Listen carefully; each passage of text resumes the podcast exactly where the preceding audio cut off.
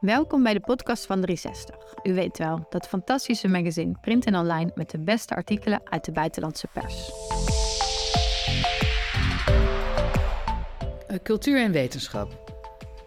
We denken dat we vrij zijn, maar we zijn de geslachtsorganen van het kapitaal. El País. De onafhankelijke Koreaanse filosoof Byung-Chul Han schrijft weinig, maar publiceert veel over het karakter van deze tijd. Met het essay De Vermoeide Samenleving bereikte hij meer dan 100.000 lezers. De meeste tijd besteedt hij aan zijn tuin of aan de muziek, aan het trage leven. Professor Byung-Chul Han is een 64-jarige man die het leven omgekeerd leeft. Hij is wakker als mensen slapen en gaat naar bed als anderen aan het werk gaan. Hij is er trots op een luie denker te zijn en schrijft slechts drie zinnen per dag. De meeste tijd besteedt hij aan het verzorgen van zijn planten en het spelen van stukken van Bach en Schumann op zijn Steinway. Dat zijn de dingen die er voor hem echt toe doen in het leven.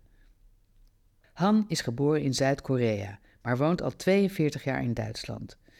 Hij is een ster van de hedendaagse filosofie en werd vooral bekend met een boek dat het karakter van onze tijd schetst: De Vermoeide Samenleving.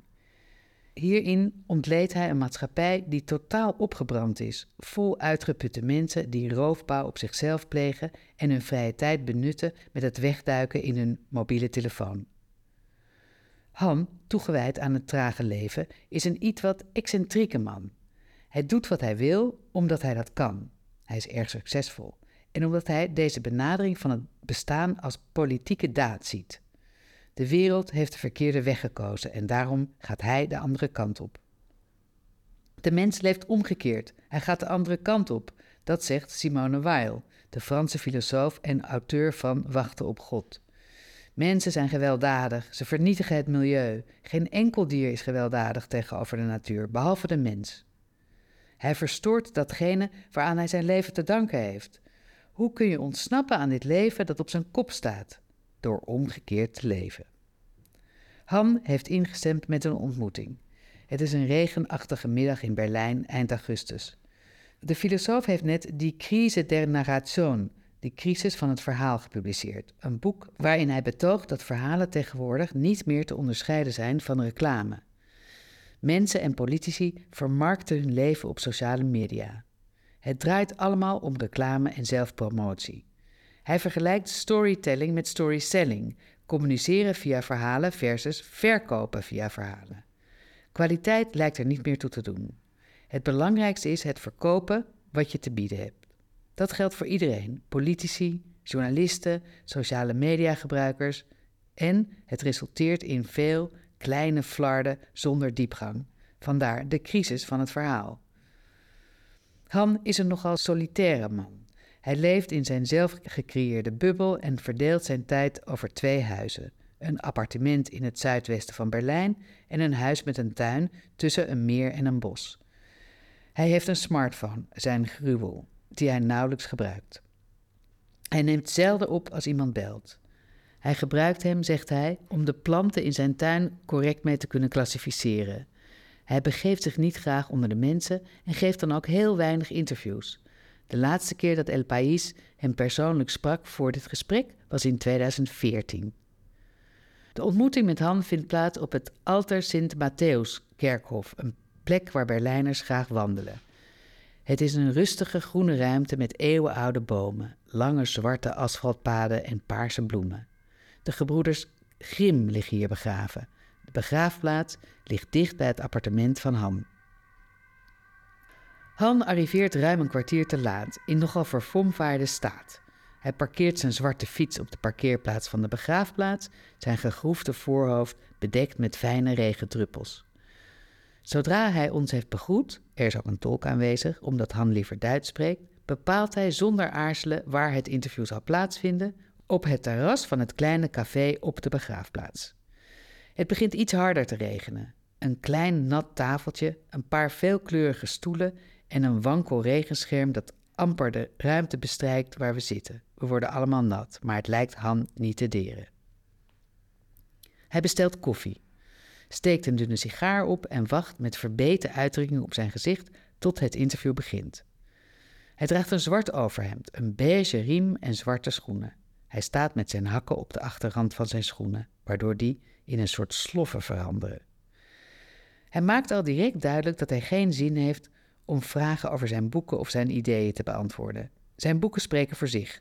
Daarom heeft hij ze geschreven. Ze zijn bedoeld om gelezen te worden. Het is niet de bedoeling dat hij er vragen over krijgt. Hij voelt zich ongemakkelijk bij de klassieke vorm van vraag en antwoord en neemt de vrijheid om zelf te kiezen waarover hij wil spreken. Hij begint met het geval van grensoverschrijdend gedrag dat Spanje de afgelopen tijd in zijn greep hield. Stervoetballer Jenny Hermoso werd tegen haar wil gekust door de voorzitter van de Spaanse voetbalbond na de winst in de finale van het WK voetbal voor vrouwen. Als ik in filosofische zin nadenk over een kus, dan was dat geen kus, want hij, voorzitter Rubiales, die inmiddels is opgestapt, kuste haar en zij kuste hem niet. Dat is geweld. De hele MeToo-beweging was goed. Terugvechten tegen seksueel geweld is goed. Maar nu is deze beweging tegen seksueel geweld zelf veranderd in geweld. Ze heeft Eros vernietigd. Ze heeft de verleiding vernietigd. Ik ken veel heel zelfstandige actrices en ook veel feministen die de MeToo-beweging nu afwijzen, omdat die de verleiding vernietigt. Hij zegt dat hij niet onderbroken wil worden. Hij wil zijn gedachtegang niet kwijtraken. Dan begint hij over zijn piano's. Hij vertelt dat hij er drie heeft. Eén in zijn appartement, de Steinway, en twee Blutners in het andere huis. Daar tuiniert hij terwijl hij naar Bach luistert. Hij is gefascineerd door de Goldberg-variaties waarmee hij zichzelf piano heeft leren spelen en naar Schumann.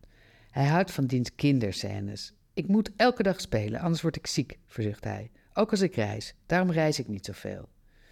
Schoorvoetend stemt hij in met het beantwoorden van een vraag over onze samenleving, die het geduld om te luisteren en te vertellen is kwijtgeraakt.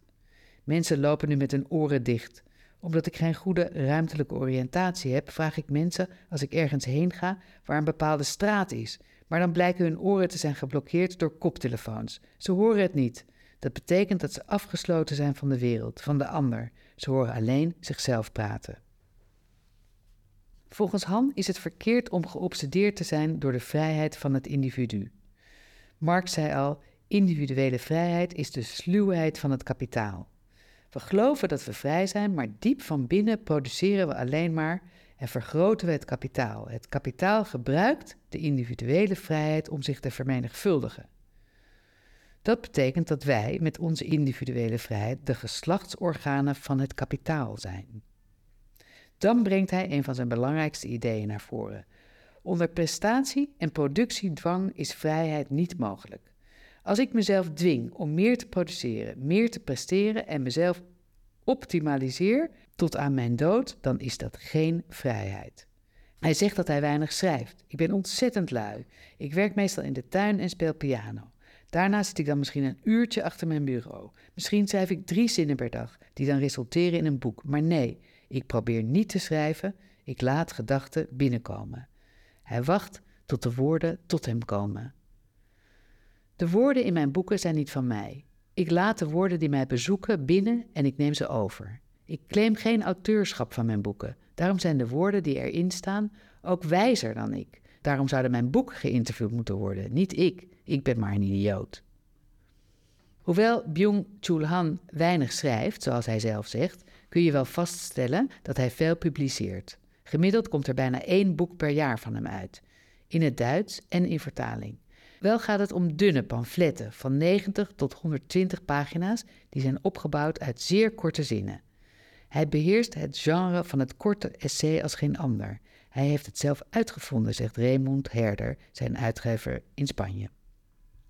De in Duitsland geboren uitgever die nu in Barcelona woont, ontdekte Han in 2010 op de Frankfurter Boegmesse, waar hij een exemplaar van de vermoeide samenleving op de kop tikte. Terwijl van zijn eerdere boek slechts een paar honderd exemplaren werd verkocht, waren dat er van dit essay meer dan 100.000 in Latijns-Amerika, Zuid-Korea, Spanje en Italië. In Duitsland, Frankrijk en de Engelstalige wereld was de verkoop evenwel veel lager. Grappig genoeg had Raimund Herder Han al eerder ontmoet, in 1988, toen hij filosofie studeerde aan de Universiteit van Freiburg. Hij herinnert zich hem nog goed. Tijdens de lessen van professor Gerald Praus, Han was de Koreaan in de klas die opgewonden sprak en veel vragen stelde. Han kwam naar Duitsland toen hij 22 was. In Zuid-Korea had hij metallurgie gestudeerd en hij zag zich gedwongen zijn ouders voor te liegen. Ze zouden me nooit toestaan filosofie te studeren en, en te vertellen dat hij naar het buitenland ging om zijn technische studie voor te zetten. Ik heb mijn ouders nooit een boek zien lezen. Ik ben een mutatie. Mijn vader was civiel ingenieur. Hij bouwde dammen en metro's in Korea. Duitsland trok hem enorm aan. Op een dag, toen hij 16 was, bracht zijn moeder platen van Bach mee naar huis. Toen ik daarna luisterde, ontdekte ik dat Duitsland mijn spirituele thuis was. Hij studeerde ook filosofie in Parijs. Een van zijn docenten daar was Jacques Derrida. Maar de denkers aan wie hij echt schatplichtig is, zegt Han, zijn Emmanuel Levinas, Walter Benjamin, die vaak wordt geciteerd in zijn nieuwe boek, en Simone Weil, die nu kennelijk in hem bestaat. Simone Weil is onlangs bij me ingetrokken en praatte de hele tijd tegen me. Dat is geen toeval, want ze stierf op 24 augustus 80 jaar geleden. Ze leeft nog steeds en ze praat tegen me. Ik voer een interne dialoog met haar. Ik voel me de reïncarnatie van Simone Weil. Han wordt er wel eens van beticht te productief te zijn of steeds weer dezelfde onderwerpen te behandelen. Wolfram Eilenberger, essayist en voormalig directeur van de Duitse editie van het tijdschrift Filosofie, zegt dat Han hem doet denken aan een specht die voortdurend tegen een klein stukje van een harde, dunne stam tikt. Hij heeft een thema gevonden en beschikt over een eigen stijl op basis van een Duits dat hij met prachtige eenvoud gebruikt. Dat gezegd hebbende denk ik dat het tijd is dat hij eens van onderwerp verandert. In een artikel voor het wetenschappelijke tijdschrift Filosofie in juli 2022 uitte Jesus Zamora Bonilla, een Spaanse hoogleraar logica en wetenschapsfilosofie, de kritiek dat Hans boeken vaak niet erg argumentatief zijn. Ze zijn eerder nogal stellig en dat ze bestaan uit een opeenvolging van briljante en korte zinnen die typerender zijn voor literatuur en poëzie dan voor filosofische essays. Han is zich ervan bewust dat hij kritiek krijgt. Ze zeggen dat mijn gedachten en boeken te makkelijk zijn, maar dat geldt bijvoorbeeld niet voor Todesarten, filosofische onderzoekingen zum Tod. Soorten overlijden, filosofisch onderzoek naar de dood. Als je dat leest, ontdek je een ander facet van mijn denken, met heel andere complexe zinnen. Hetzelfde is het geval, zegt hij, bij zijn proefschrift Heideggers Herz, Heideggers hart. In het verleden schreef ik anders. Ik schreef boeken die heel moeilijk te lezen waren, zonder erover na te denken of ze wel begrijpelijk waren. Maar nu is toegankelijkheid voor mij heel belangrijk. De boeken van Slavoj Zizek zijn bijvoorbeeld volstrekt verwarrend. Die van Walter Benjamin zijn absoluut onbegrijpelijk. Maar als je ze tien keer leest, begrijp je ze. Na vijftig minuten kletsen begint Han ongedurig te worden. Hij informeert opnieuw naar de fotograaf die met zijn assistent in de kapel van de begraafplaats zit te schuilen voor de regen. Hij merkt op dat hij graag over het kerkhof wandelt en dat hij dagelijks naar een kerk gaat, niet ver hier vandaan. Hij is een spiritueel man. Ja, ik ben katholiek.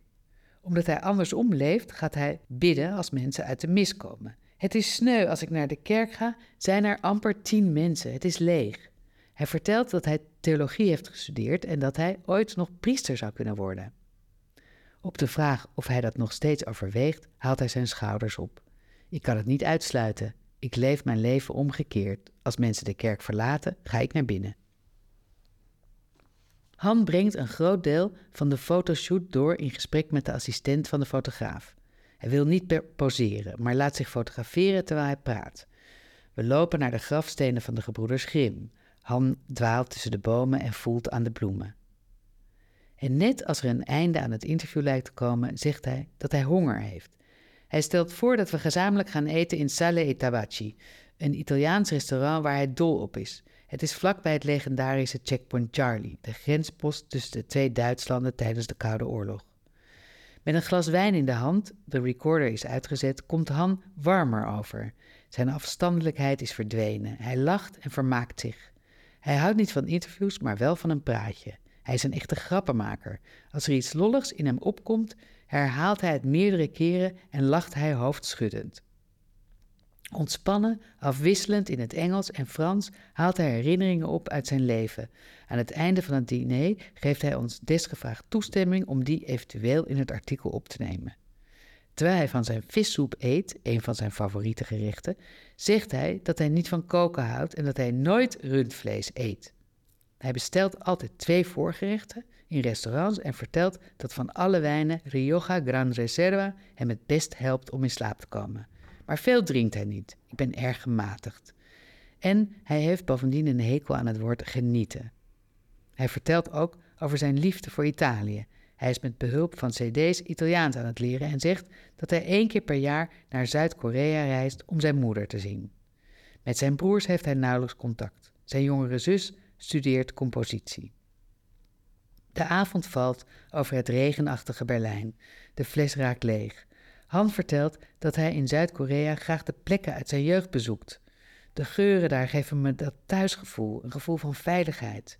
Uiteindelijk is dat mijn thuis. Thuis is de plek waar je je jeugd hebt doorgebracht. Ik herontdek de geuren uit mijn kindertijd en dat maakt me gelukkig. Maar mijn spirituele thuisland is Duitsland.